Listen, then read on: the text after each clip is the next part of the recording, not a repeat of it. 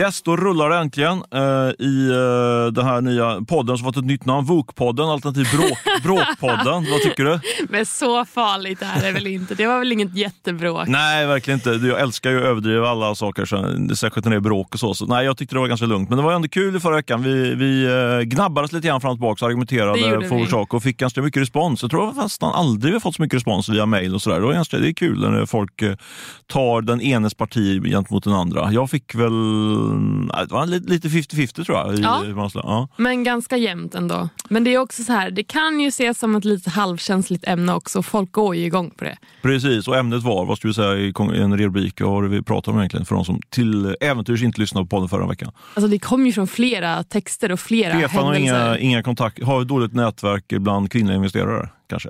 Ja, det får du säga själv ja, tror jag. Ungefär så. Nej, men det handlar, det handlar om det att jag hade... Det var lite grann helt enkelt på varför, kommer, varför lägger vi, jag för mycket fokus på, på uh, manliga investerare, gubbinvesterare och sådär. Ni får lyssna i förra podden om ni missade det snacket. Uh, jag tycker vi säger välkommen till alla som har kommit in hit nu och jag heter Stefan Rundell. Kommit in, kommer man in i en podd? Jag tror det i alla fall. Det gör man. Ja, uh, och du heter? Jag heter Åsa. Välkomna alla som lyssnar. Exakt, och ja, men vi rullar igång med vårt, eh, vårt framgångsrecept. Eh, veckans möte och veckans snackisar och veckans köp och sälj. Vill yes. du börja med ditt möte eller ska jag börja? Ja, men jag vill börja med mitt möte. Ja, bra. Som är en person som heter Solvor Öxnäs. Mm, nors norska? Nej. Jajamensan. Eh, och eh, hon är ny ägare av ett bolag som heter Heja Livet AB. Och eh, det här bolaget ligger bakom Facebookgruppen som också heter Heja Livet. Har du hört talas om den här gruppen? Jajamän, det är väl en grupp med fokus, om man får säga så, att man peppar varandra i den, bland kvinnor peppar varandra, kan man säga så? Ja, det tycker ja. jag att absolut man kan säga. Är du medlem? Eh, ja, men jag är det mm. faktiskt. Måste man vara kvinna för att medlem? Det tror jag. Ja, jag tror också det mm. faktiskt. Mm. Ja. För det här är ju då, det är 136 000 medlemmar som har anslutit sig till den här då låsta gruppen där man behöver bli godkänd för att bli medlem. Eh, och det har blivit en av Sveriges absolut största communities för kvinnor. Eh, och eh, grundarna då, som heter Karo Levi och eh, Emily Krona Stenberg, de berättade förra våren om att det här bolaget då var till salu. Och vi skrev en hel del om det och såklart så ville vi följa upp och nu är det klart att det är eh, Solvor som är ny ägare. Eh, och eh, hon berättade att hon eh, kontaktade då eh, Karo och eh, Emily när de eh, ville sälja bolaget. Och eh, de började snacka, lärde känna varandra och insåg att det här var en bra match. Och då vill man ju veta vad kostade det här bolaget? Hur mycket, hur mycket gav hon för det? Det vill mm. hon inte kommentera, men hon bekräftar att hon är i alla fall ensam ägare. Men har du några siffror kring omsättning och resultat så kanske vi kan börja spekulera lite grann vad mm, fick? Absolut. Eh, så omsättningen gick upp till 2,1 miljoner under 2021 och det är en ökning från 1,4 miljoner året innan. Så att, eh, det är rätt bra. Och eh, vinsten ökade till 615 000 kronor 2021 från 460 000 kronor året innan. Och vad tror du de betalar då, då när de gör en vinst på 615 000? Du, jag har ingen aning. Man skulle vilja veta hur mycket, om de har tagit ut någon lön de här två uh, grundarna. Men har de gjort det så det har de nog kanske. De har tagit in 2,1 miljoner. Då är det ändå hyggligt. Då är det bra, helt okej lönsamhet. lönsamhet. Jag skulle säga att jag menar 16-15 000, då är du tillbaka pengarna på, så här, låt säga att de får en multipel på fem, ja, tre, mellan 3 och 5 miljoner kanske betalar, skulle jag gissa. Skulle, du betalat 5 miljoner för Heja livet? Det skulle jag inte gjort, men eh, mest för att jag inte har tid eller ambitionen att driva det. Men de här tidigare ägarna då, de har ju tjänat pengar på dels rena annonsinlägg mm. Eh, men också genom att agera byrå åt företag som vill samarbeta med dem. Och Den nya ägaren då, hon duckade frågan på om hon kommer göra samma sak eller om hon kommer skruva om affärsmodellen något. Men hon säger då eh, dock att eh, här, hon har mycket erfarenhet med branding eh, och tycker att det är spännande att verkligen komma igång med då meningsfulla samarbeten som hon vet har relevans. Så vad har hon för bakgrund av den här uh, Solver? Vad är, vad är, vad är hon för typ av... Mar marketing. Det är marknadsförare? Ja, ja. så um, jag tror att hon kommer ja, köra på ungefär samma upplägg i alla fall. Men så finns det också risker med den här affären, eller inte affären, men risker med att ta över den här eh, gruppen då, för den är så starkt förknippad med grundarna. Mm. Och när vi pratade om det då, så menar hon att hon har varit en del av den här gruppen länge. Och grundarna har ju verkligen byggt upp en tillit i communityt och de lever ju verkligen hela det här varumärket hela livet. Eh, och det är såklart väldigt stora skor att fylla men hon är inte så orolig säger hon för att ja, de delar värderingar helt enkelt. Och när du säger det så drar hon ner prislappen till 2,5 miljoner. För det håller jag med om. Att det, det är verkligen, jag har inte följt den här gruppen så mycket men jag kan, nu när du beskriver det så, så inser jag liksom att de är väldigt, det är väldigt förknippat med de där två profilerna och försvinner de, då försvinner ju en del av eh, värdet också. ja, men det kan man tänka de är ju inga influencers men de är ju verkligen, ja det har varit de som har drivit det här. Ja, de väl inne och modererar och pratar och peppar liksom och sådär antar jag. Ja men det tror jag att de har gjort, det vet jag faktiskt inte exakt men jo, måste, eh, de, de, de har varit väldigt aktiva i alla fall.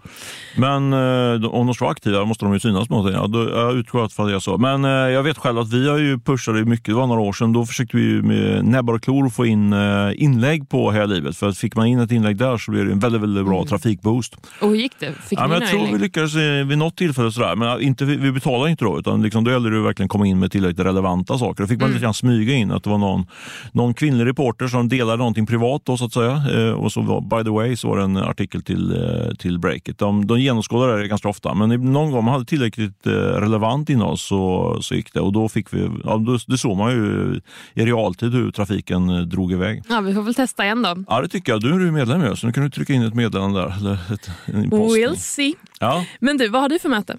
Ja, men jag hade ett eh, kort och intensivt möte med en eh, skattejurist som heter Mattias Kömer. Eh, han är jurist på Vinge, den mm -hmm. ansedda advokatbyrån. Jag fångade honom när han var på väg och eh, käka lunch. Eh, han stod och eh, slevade upp mat tror jag, i, i den, eh, tror jag, faktiskt varit där någon gång. Faktiskt. Den, den väldigt flashiga personalmatsalen på Vinge. De är ju väldigt rika där, advokaterna. Så du, du råkade vara där, såg honom och Nej. Gick in och eh, störde? Jag, ring, jag ringde honom. Jag, ringde ah. honom. jag kastade mig nämligen på telefonen. För det är så här att, eh, att Elisabeth Svantesson, vår eh, nya finansminister, hon gick ut här i, jag tror det måndags, och eh, flaggade för att de så kallade 3.12-reglerna skulle eh, göras om. Ännu mer förmånligt kan man säga. för, för eh, Jag vet vad 3.12-reglerna är. Vi har pratat om det här i podden tidigare. Vill du dra, dra det i två meningar? Ja, men 3.12-reglerna är ju, är ju den lagstiftning som rör så kallade fåmansföretagare. Och det är ju majoriteten av alla nya företag i Sverige. Eh, mm. Det är bara några börsbolag som inte är fåmansföretag. Eh, och den tidigare regeringen har ju tillsatt en utredning eh, som ska se över de där reglerna. Men de har sagt att man ska försöka förenkla dem, göra dem mer relevanta och så vidare. Men man, man ska fortfarande få in lika mycket skatteintäkter, mm. har man tidigare sagt. då. Men nu gick Elisabeth Svantesson ut och sa att så bör det inte alls vara. Utan det kan vara så att det kan bli lägre skatteintäkter, vilket då indirekt innebär att det kan bli lägre skatter för, för Sveriges företagare, vilket eh, är positiva nyheter för vår kärnmålgrupp kan säga, som består mycket av entreprenörer. Så det var därför jag kastade mig på eh, telefonen för att prata med Mattias. Eller det var inte riktigt så faktiskt. Det, var fan, det, fanns, det, fanns, det fanns också ett, ett starkt egenintresse i det här. För Vi pratade i förra podden, eller var det förra podden om min skattesmäll. Ja, att du skulle få pröjsa en himla massa. Ja men precis. Och det som det var faktiskt superintressant för mig privat men också för ganska många tror jag som lyssnar på den här podden. Och Det var så att det stod explicit i det här pressmeddelandet från eh, Elisabeth Svantesson, Finansdepartementet, att man skulle titta, titta närmare på den här undantagsregeln. Mm -hmm. Vi ska inte gå in mer i detalj på det men eh, i korthet så, så, så kan man de flesta nu inte längre använda sig av den här undantagsregeln vilket innebär att skatten dubblas för sådana som mig, till exempel på utdelning och sånt. Aj, aj. Jag ska återkomma till det senare i podden apropå den utdelningen. Eh, men nu har, flaggar de då för att, eh, att eh, man ska titta över de där reglerna i positiv anda. Så eh, det där var ett väldigt positivt besked för, för mig och även för eh, ja, för ganska många andra. Jag tror faktiskt att det är tusentals eh, entreprenörer som eh, har påverkats negativt av att eh, skatterättsnämnden då är, har gör en ny tolkning av hur man ska använda sig av den här undantagsregeln. Så det där var mitt möte. Jag snackade med Mattias Schömer som då driver det här caset kring undantagsregeln mot Högsta förvaltningsdomstolen. Och han är ju såklart part i målet, men ändå, man får ändå bra feeling för... Jag har pratat med ganska många jurister och just det här Mattias Schömer känns som han har eh, bra koll helt enkelt. Man får mm ganska, han är hyggligt objektiv i sina svar kring det där. Och hans besked då till alla som drabbas av det här undantagsregeln sa att det här var superpositivt.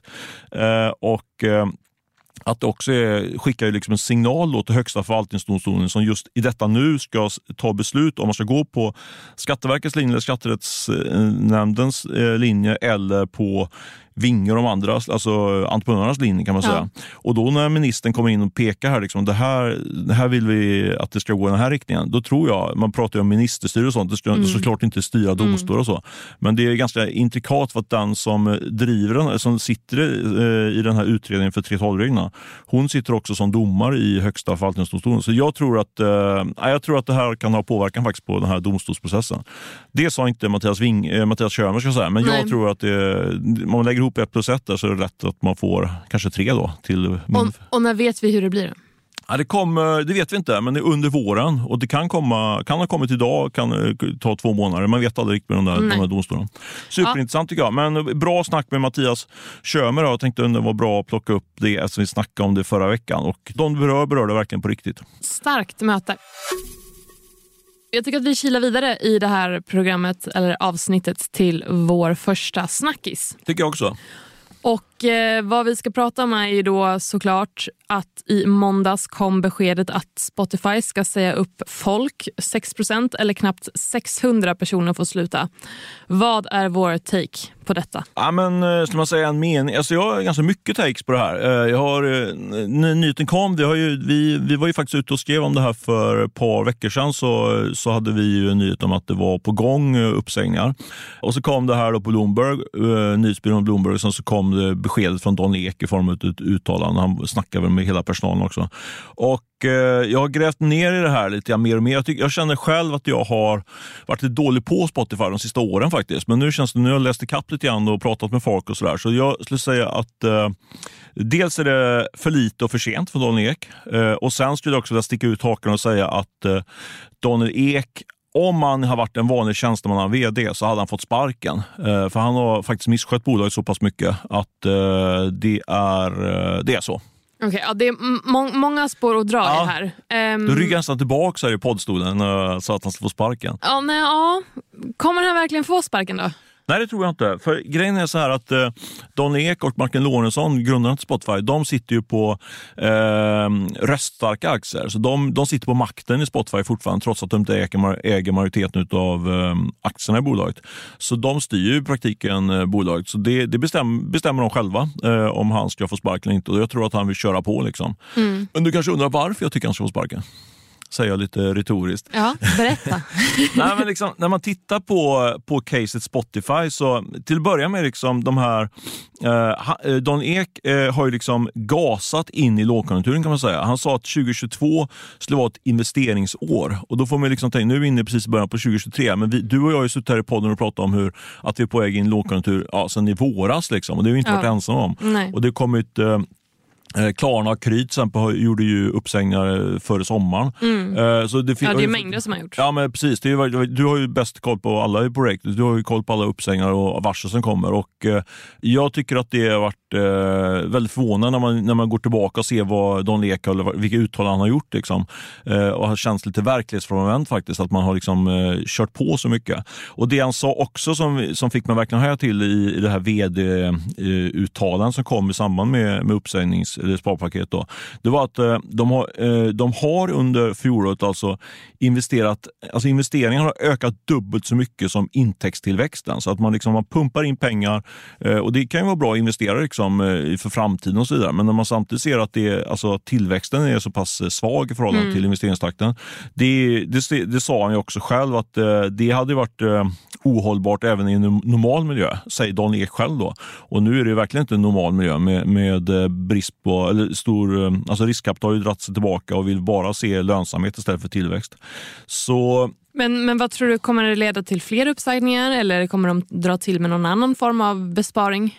Alltså, hade det varit ett vanligt bolag så hade det absolut kommit blivit mer uppsägningar. Men i och med att han, han sitter på den här maktpositionen så är, så är det lite mer svårare att säga. Men om man utgår från att de, att de driver bolaget rationellt så absolut kommer det bli fler uppsägningar. För om man tittar på de där 600 personerna som, som eh, ska sluta nu. Det låter ganska mycket, 600 pers bort. Liksom. Oh ja. Men om man, om man gräver vidare i den här siffran så ser man att bara i fjol så har de anställt anställt över 2000, nästan 2500 personer. Alltså de har under de här sista, bara sista 12 månaderna har det kommit in över 2500 personer då. och så säger man upp 600. Det är ju liksom fortfarande... Det är ändå en alltså, massiv rekrytering. Ja men precis, så det är, det är inte så att de sparar speciellt mycket. Det är ju tvärtom liksom, så, så har ju kostnaderna ökat liksom, versus 2021 eh, rejält. Liksom. Uh, så jag tror att det finns eh, mycket mer att skära. Och det, I grundproblemet tycker jag med med Spotify. Och det är jag absolut inte först att säga, men det är ju att det är ju liksom en, en, eh, ett förlustdrivande bolag eh, i en lågmarginalbusiness. Mm. Eh, för det, eh, för, om man backar bandet då när, när Daniel Ek fick med sig alla, alla de här skivbolagen i, eh, så han fick in de här i, eh, i appen helt enkelt, i ja. tjänsten. Vilket var ju såklart ett hjältedåd. Men det, men det skedde ju också till ett stort, väldigt dyrt pris. Vad säger man? tufft pris? Vad säger man? Högt pris. Högt pris, jag. Bra, tack. tack.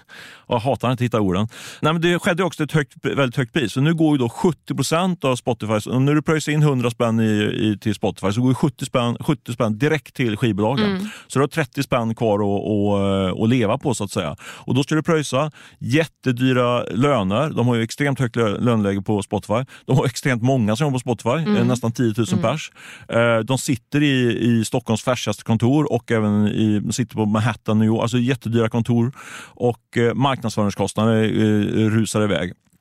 Så, eh, så jag, jag tycker att i grunden handlar det om att, att, tänka helt om kring Spotify och inse att det här är en, en som jag sa, en lågmarginalsaffär Eh, och då får de, de får flytta ut till Älvsjö liksom, eller sitta ute i förort. Alltså varför ska de sitta i flashiga kontor? Varför ska de ha så pass många utvecklare som de har? Det är ju ändå bara en musiktjänst. Liksom. Så jag tycker att man måste liksom tänka om, göra om och göra rätt liksom, när man är Daniel Ek. Ja visst, det är ju en, bara en musiktjänst som du säger. Men eh, om du behövde skära ner på, på din konsumtion eller saker du lägger pengar på, hur högt upp på listan är ditt Spotify-abonnemang att skära, alltså, ta bort? Det ligger långt ner. För ja. jag tycker absolut, Men det, det är en superstark tjänst. Jag älskar Spotify. Det är jätte, de, alltså, all cred till Martin Lorentzon och Lon Erik som byggt upp en fantastisk tjänst. Liksom. Men nu har, man, nu har man byggt upp och kommit till en sån platå då måste man börja försöka kapitalisera på det på ett annat sätt. Liksom. Oh ja. det det Men kan det inte vara att en av anledningarna till varför man har kommit hit, eller varför, men vi pratar om de här flashiga kontoren, alla så höga löner, det ska vara så väldigt nice att vara på jobbet och så vidare. Kan inte det vara liksom en del av hela strategin att locka dit de bästa av de bästa helt enkelt? För det finns så många bolag som söker personer inom tech. Varför ska man välja det ena bolaget över det andra? Spotify har varit ganska hypat, det har varit hippt och sen så kommer man med de här erbjudandena liksom förutom då här är din lön. Så är liksom, det, det är nice att vara på mm. jobbet. Liksom. Och Jag tror det har vägt ganska tungt. Men såklart som du säger, ja. nu det är ingen startup längre och det har inte varit det på väldigt länge. Så då kan man inte leva kvar i den, försöka ha den kulturen heller. Nej, det där är ju det, där är ju, det, är det som man har betalt för som vd och liksom försöka eh, gå in i olika nya faser. Liksom. Jag hörde en intervju med Sebastian Semikovsky nu på morgonen, med, väldigt bra faktiskt, med Techcrunch har, har en podcast eh, där han beskrev liksom det här skiftet från eh, fokus från tillväxt, tillväxt till att man nu skulle liksom, mm. mot lönsamhet och så. Eh, så det, och det är ett jobb man måste göra, liksom, eh, som Daniel Ek också måste göra, att man får liksom vrida om bolaget.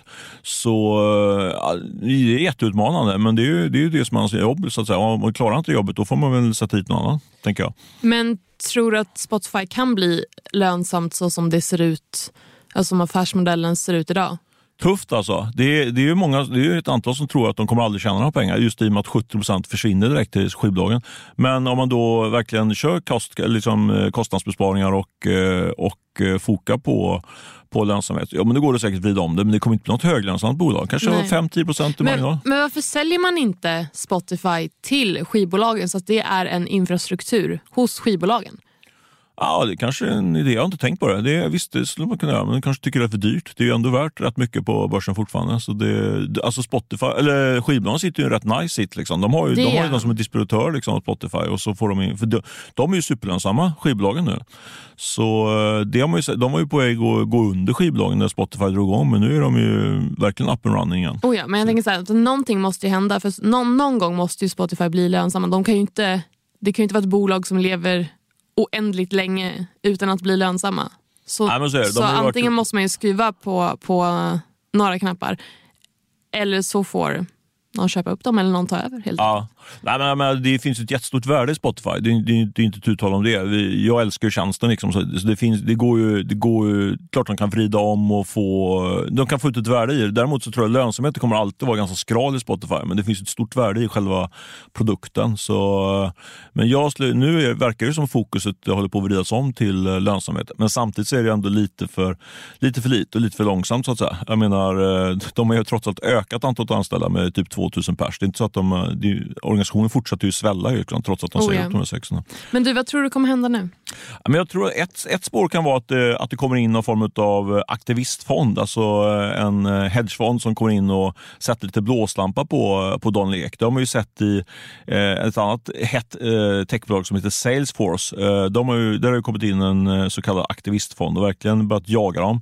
Eh, men mot det talar väl att, då, eh, att Daniel Lek och Martin Lorentzon har ju de här röststarka aktierna så de kan ju i princip skita i vad, vad den där hedgefonden säger. Men mm, samtidigt, liksom, om, om det skulle komma in någon ägare med 4-5 procent av aktierna, då det är klart att de lyssnar på dem. Sådär. Så det skulle kunna vara ett, ett spår. Men en annan sak som jag skulle, innan vi lämnar det här segmentet, som jag, det är alltid svårt att spå in i framtiden, men en sak som jag tycker man skulle kunna eh, ytterligare highlighta, liksom, eh, som är bredare, som inte bara gäller Spotify, det är att eh, kanske att vi då som sitter i den här podden, att det liksom är lite grann att vi börjar nå peak podd. Så att säga. Det har varit väldigt mycket hås runt poddar, har ju växt extremt mycket i segmentet de senaste åren.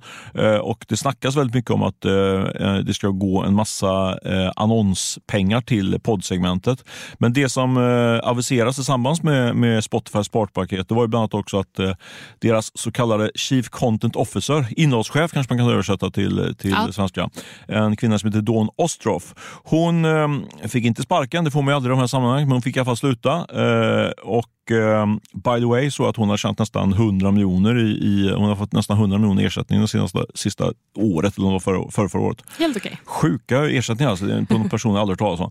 Eh, men i alla fall, hon, eh, jag har faktiskt hört talas om henne tidigare, måste jag erkänna. Eller inte erkänna, måste jag ha till protokollet. Det är ändå en rätt, var ändå en tungviktare i, i Spotify-sfären. för hon har ju varit ansvarig för, för podddelen och uppbyggnaden utav av eh, hela det här poddaffärsområdet. Eh, Spotify har köpt bolag för över en miljard dollar, över 10 miljarder kronor. Eh, de har ju då rekryterat in paret Obama, prins Harry och Meghan heter de va? och sen yep. Joe Rogan och så vidare. Du vet, de har köpt på sig massa mm. och verkligen sagt att podd ska bli det nya heta. Och bakgrunden till det, det är ju lite grann det jag var inne på tidigare, att Eh, musik, när det gäller musik får de skicka iväg 70 procent och inteckna direkt. Men just när det gäller podd där kan de ha mycket högre marginal, bruttomarginal mm. som det heter. Där ligger bruttomarginalen kanske på 50 procent kontra eh, 30 procent i, eh, i musiksegmentet. Så det där har ju varit något som Don Ek har håsat mycket eh, mot investerare, att det här kan bli verkligen stort.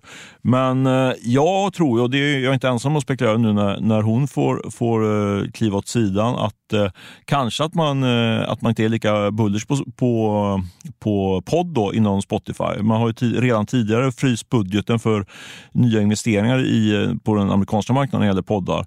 Och, eh, poddar som gått exklusivt till Spotify. De har köpt upp poddar som bara ska gå på Spotify. Då, och då har man sett att eh, lyssnat har minskat med 70-75 procent på många av de här populära poddarna. Så jag tror att eh, min lilla sista spaning här kring eh, Spotify det är att eh, det kommer bli blåsa snålare kring de som eh, jobbar med podd helt enkelt. Det är inte lika hett längre. Vad tror du om det? Du gjorde ett stort poddtema ihop med Martin Häner ja, för nej, alltså, Där får jag nog säga emot dig lite grann i alla fall. Nu har jag inte koll på varenda marknad. Men visst, poddar har hypats. Det har varit mega populärt. Och nu har det blivit väl, vad ska man säga, lite mer till vardagen kanske. Men det är fortfarande väldigt uppskattat. Så jag, jag tror inte att det har, den här peak-podden tror jag inte riktigt är där än. Eller så en, en peak, en topp som nås men att den är väldigt bred liksom innan det börjar gå ner för. Mm. Så där, nej, där, eh, det kanske inte rusar lika mycket, nej. Men eh, jag tror fortfarande att det är väldigt hett segment och jag förstår om om man ser det som, en, eh, som ett, ett område man vill satsa på helt enkelt. Vi får se vem som var rätt. Yes, det får vi absolut göra. Men du, det finns såklart massor att eh, säga och diskutera omkring Spotify. Men ska vi lämna det för nu och gå vidare till vår andra snackis kanske? Det tycker jag. Yes, och eh, på vår andra snackis har vi satt rubriken Kan elstödet ge skjuts för e-handlarna. Och varför eh, tar vi upp det här? Jo, men det är ju så här att regeringen har ju som känt utlovat ett elstöd och i veckan rapporterade media om att den då sista pusselbiten för att Försäkringskassan ska betala ut pengarna är på plats. Om vi får avbryta det här så tror jag faktiskt detta nu så tror jag att Försäkringskassan har en presskonferens där de berättar om detta. Så nu när ni, när ni som lyssnar på detta, då har det faktiskt redan kommit ut. Jag tror det är klockan tio, men fair enough. Ah, okay nu ska vi inte vara såna. Eh, men i alla fall, det senaste budet, i alla fall, eller som jag läste igår, eh, är att pengarna till hushållen i södra och eh, mellersta Sverige kommer betalas ut i slutet av februari. Och Då kan man fråga sig, vad kommer människor göra för dessa pengar som snart trillar in på kontot? Vi pratade med en av våra kollegor, Jon, om det här och han kallar det här elstödet för gratispengar. Elen hade han redan betalat, eh, menar han, samtidigt som han visste att hans, han kommer att få de här pengarna för de skenande elpriserna. Så han tog med familjen och köpte en ny TV. Underbart. Ja. Han är kapitalstark, vår, vår vän Jon där. Men eh, jag tror inte han är ensam om det. Är nog fler som kommer att shoppa på. Vad tror du? Ja men verkligen. Det handlar om en hel del pengar som ska betalas ut till en hel del hushåll. Det rör sig om mellan 17 och 20 miljarder kronor som ska betalas ut till omkring 4,3 miljoner hushåll i då södra och mellersta Sverige. Eh, och hur mycket du får beror lite på vart du bor, eller hur? Mm. Och Jag har sett flera räkneexempel, men det kan ju handla om att, att eh, ja, men villaägare får alltså, uppåt 15 000 kronor. Ja, men precis. Vi räknade lite grann på det här innan vi satte oss i studion. Här. Och det, är ju, det är ju framförallt eh, eh, rika villaägare som Jon Wahlqvist som kommer gynnas av det här. Du, du bor ju i lägenhet och får, kommer bara få några hundralappar i bästa fall kanske. Ja, nej, men alltså, jag, jag kommer nog inte få mycket alls för de eh, kvadraten jag bor på och det jag förbrukar. Alltså, får jag någonting så kommer jag nog knappt märka det. Då får jag verkligen hålla, hålla stenkoll. Liksom. Men det kommer inte handla om många många kronor där tror jag. Nej, men icke förty så är det, är det just i och med att uh, de här villaägarna de är ju är normalt sett ganska kapitalstarka och uh, shoppingsugna. Och man kan ju tänka sig då när, när uh, miljontals villaägare får in uh, sådär 10-15 000 kronor på kontot då, att det, det är liksom bäddat för en e-handelsboom, hävdar vi i alla fall i vår snackis, eller? Ja, exakt. Jag tycker att det låter helt rimligt. Jag och vår kollega Emil Vidhagen vi gjorde ett litet ringrace igår och snackade med ett gäng e-handlare, eller vi sökte dem i alla fall. Och Jag pratade bland annat med eh, Rickard Lyko Trevlig ehm, person ändå. Det är han verkligen och han är ju vd och grundare för eh, ja, men Lyko som säljer skön skönhetsprodukter på nätet. Och Han sa så här att ja, men det är klart att från en tid till en annan så tajmar man eh, bättre med hur konsumenternas plånbok ser ut där och då. Men de har liksom inga planer på att ah, nu kommer elstödet snart, nu ska vi försöka göra en kampanj så att konsumenterna kommer och lägger de här tusenlapparna hos oss. Det var liksom Nej, det var inget, inget för dem riktigt. Men han säger också att han håller med om analysen att får man pengar så kommer man nog förmodligen sätta sprätt på dem snarare än att spara dem. Eh, så ja, han tror på att det kommer finnas lite mer köpkraft där ute i alla fall. Men så snackar vi också om att ja, men det kanske är mer av en så här copy och content-fråga, alltså content sociala medier. Att, att man, man ska göra något inlägg och så kanske man bygger runt det här att ah, nej men oj då, härligt med några extra tusenlappar från elstödet. Vad ska jag göra med dem? Se hit, här säljer vi nice grejer. Typ. Eh, men det var ingenting som de hade någon strategi kring. Men däremot tänker jag så här, okej, okay, för visst, de säljer skönhetsprodukter och det är någonting som man köper ut efter behov. Du behöver ditt schampo, du behöver din mascara, du behöver whatever. Liksom. Och det köper man i princip när det tar slut. Sen, sen kanske man ser att ah, men nu var det, nu var det en, en kampanj eller det här. Då kanske man köper på sig lite extra. Liksom. Men man köper i alla fall när man har ett behov. Men då tänker man att får man in så här många tusen lappar då, som det är ganska många ändå som kommer att få, då kanske man istället, ah, men lite som vår kollega Jon, då, väljer att köpa elektronik som man kanske inte bara köper rakt upp och ner, en tv. Eh, eller man kanske har tänkt att köpa någon ny soffa eller matgrupp, whatever. Eh, som kostar lite mer, som man inte bara köper på en handvändning. Sådär. Så sådana aktörer så de skulle nog kunna ha lite större funktion och försöka tajma in det här med att elstödet eh, betalas ut. Men så kan jag säga också att, att Rickard Lyko nämnde också att eh, konsumenter börjar också hålla ögonen öppna på, på saker de vill köpa strax innan pengarna kommer in. Så är man ett bolag som vill eh, försöka dra vinning av det här så är det bra att vara steget före. Intressant. Eh, för, alltså jag, för ni, du ringde ju e-handlare och jag är som vanligt lat då, så jag ringer bara en person eh, som, har en, eh, som har, i sin tur har ganska bra överblick. Eh, jag pratar om en, ingen mindre än Jimmy Jakobsson, jag tror jag har nämnt honom här i podden några gånger, eh, som kör, jobbar med marknadsföringsbyrån Engager. Och han sitter lite grann som spindeln i nätet på något sätt, för han har ju många e-handlare som kunder, så han Ja, har ganska exakt. bra överblick. Eh, och jag snackade med honom i ett annat sammanhang igår faktiskt och eh, då plockade jag upp den här bollen. Eh, och jag tyckte utifrån det du sa där, så han var ju också inne på, dels är han, de har ju till och med gått ut med information till sina kunder liksom, och flaggat för att nu det här är, är en eh, möjlighet. Och, eh, men han sa också det, just det här med att det gäller att ligga rätt i tiden. För Det ser man till exempel på Black Friday. Om man tittar, för det, för det är alltid så som e-handlare att det är en kostnad för marknadsföringskostnader som man måste väga mot eh, in, potentiella intäkter. Och de ser det i om du börjar annonsera, annonsera tungt på Black Friday, alltså själva dagen Black Friday, Ja. då är det svindyrt. Liksom. Så det gäller att bygga upp det här under tiden, för, för då är det billigare marknadsföring på, på olika sökord och så på, på Google. och sådär.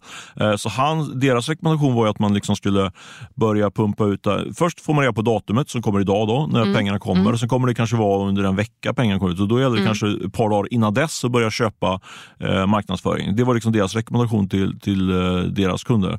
Och Sen sa han ju också, lite, lite repris på det du sa, men liksom att man får ju tänka på okay, vem är det som får det här. Då? Men det, det är kanske en, en medelålders villaägare. Alltså, och vad köper den personen? Han köper kanske inte eh, fast fashion på Naked. Liksom. Så de Nej. trodde han inte skulle bli någon vinnare. Eller Nej. kanske inte Lyko heller med skönhetsprodukter. Liksom, utan Nej. man kanske köper, eh, som Jon, då, en TV. Eller man köper vitvaror, 30.se. Ikea, H&M skulle kunna vara, inte H&M men Ikea liksom, som möbelgrejer och sådär. Och vi snackade också precis innan vi drog om podden att en resa, kanske en weekendresa, kanske man ändå får ihop om man, är, om man eh, lägger alla pengar själv. Eller man får i alla fall bidrag till en weekendresa om man får in, in en 15-20 000 på ett konto. Och sådär. Ja, men det klarar man ju lätt en weekendresa på. Om man Ja. är säg, två personer som åker. Men jag tycker om du frågar mig, jag, jag tror verkligen att, eh, att eh, vi är något på spåret här. Och så här liksom, och det vi, eh, ska inte säga, slå oss för mycket på bröstet, kanske någon annan som har tänkt på det här också. Men jag tror att det där kommer vara något som efter det här jobbiga januari, vad heter man, oxveckorna säger man va? Eh, När man inte har några pengar på kontot så, där, så dyker in pengar som man är ganska sugen på att shoppa loss lite grann. Så dyker det in 15-20 000 på kontot. Eh, då tror jag att man kommer att ha en ganska stor benägenhet att, att köpa, eh, shoppa upp det där. Eh, sen tycker jag bara en parentes om hela det här, jag tycker det är ganska absurt hela det här, att man ger, delar ut pengar så brett. Liksom. Hela, alltså, all, liksom, jag älskar Jon Wahlqvist som har fått de här pengarna, men han, han hade klarat sig utan de här pengarna. Liksom. Han köper en ny tv för det istället. Så det var inte riktigt det kanske som var meningen med elstödet, utan det är väl att de som verkligen har, som är på marginalen ska, ska få, få en boost. Liksom. Så jag, jag tycker ju eh, helt feltänkt med det elstödet. Och sen vill man också, älskar man ju också att eh, folk, jag vet inte hur du gjort, men vi har ju dragit ner värmen i vårt hus. Liksom. Det är ju en bra grej för klimatet. Liksom, att man, ja, jag tycker, men Ja, det, men jag har men du, nu är vi inne på en politikpodd här då, men jag tycker, jag tycker bara helt hål i huvudet liksom, hela elstödet. Men, men det är dock, eh, för att gå tillbaka till det kommersiella så är det ju såklart jättebra tror jag för e-handlarna. Så vi kanske får en, kommer få en boost där i februari för e-handlarna och det kanske är köpläge, inte vet jag, på e-handelsaktier.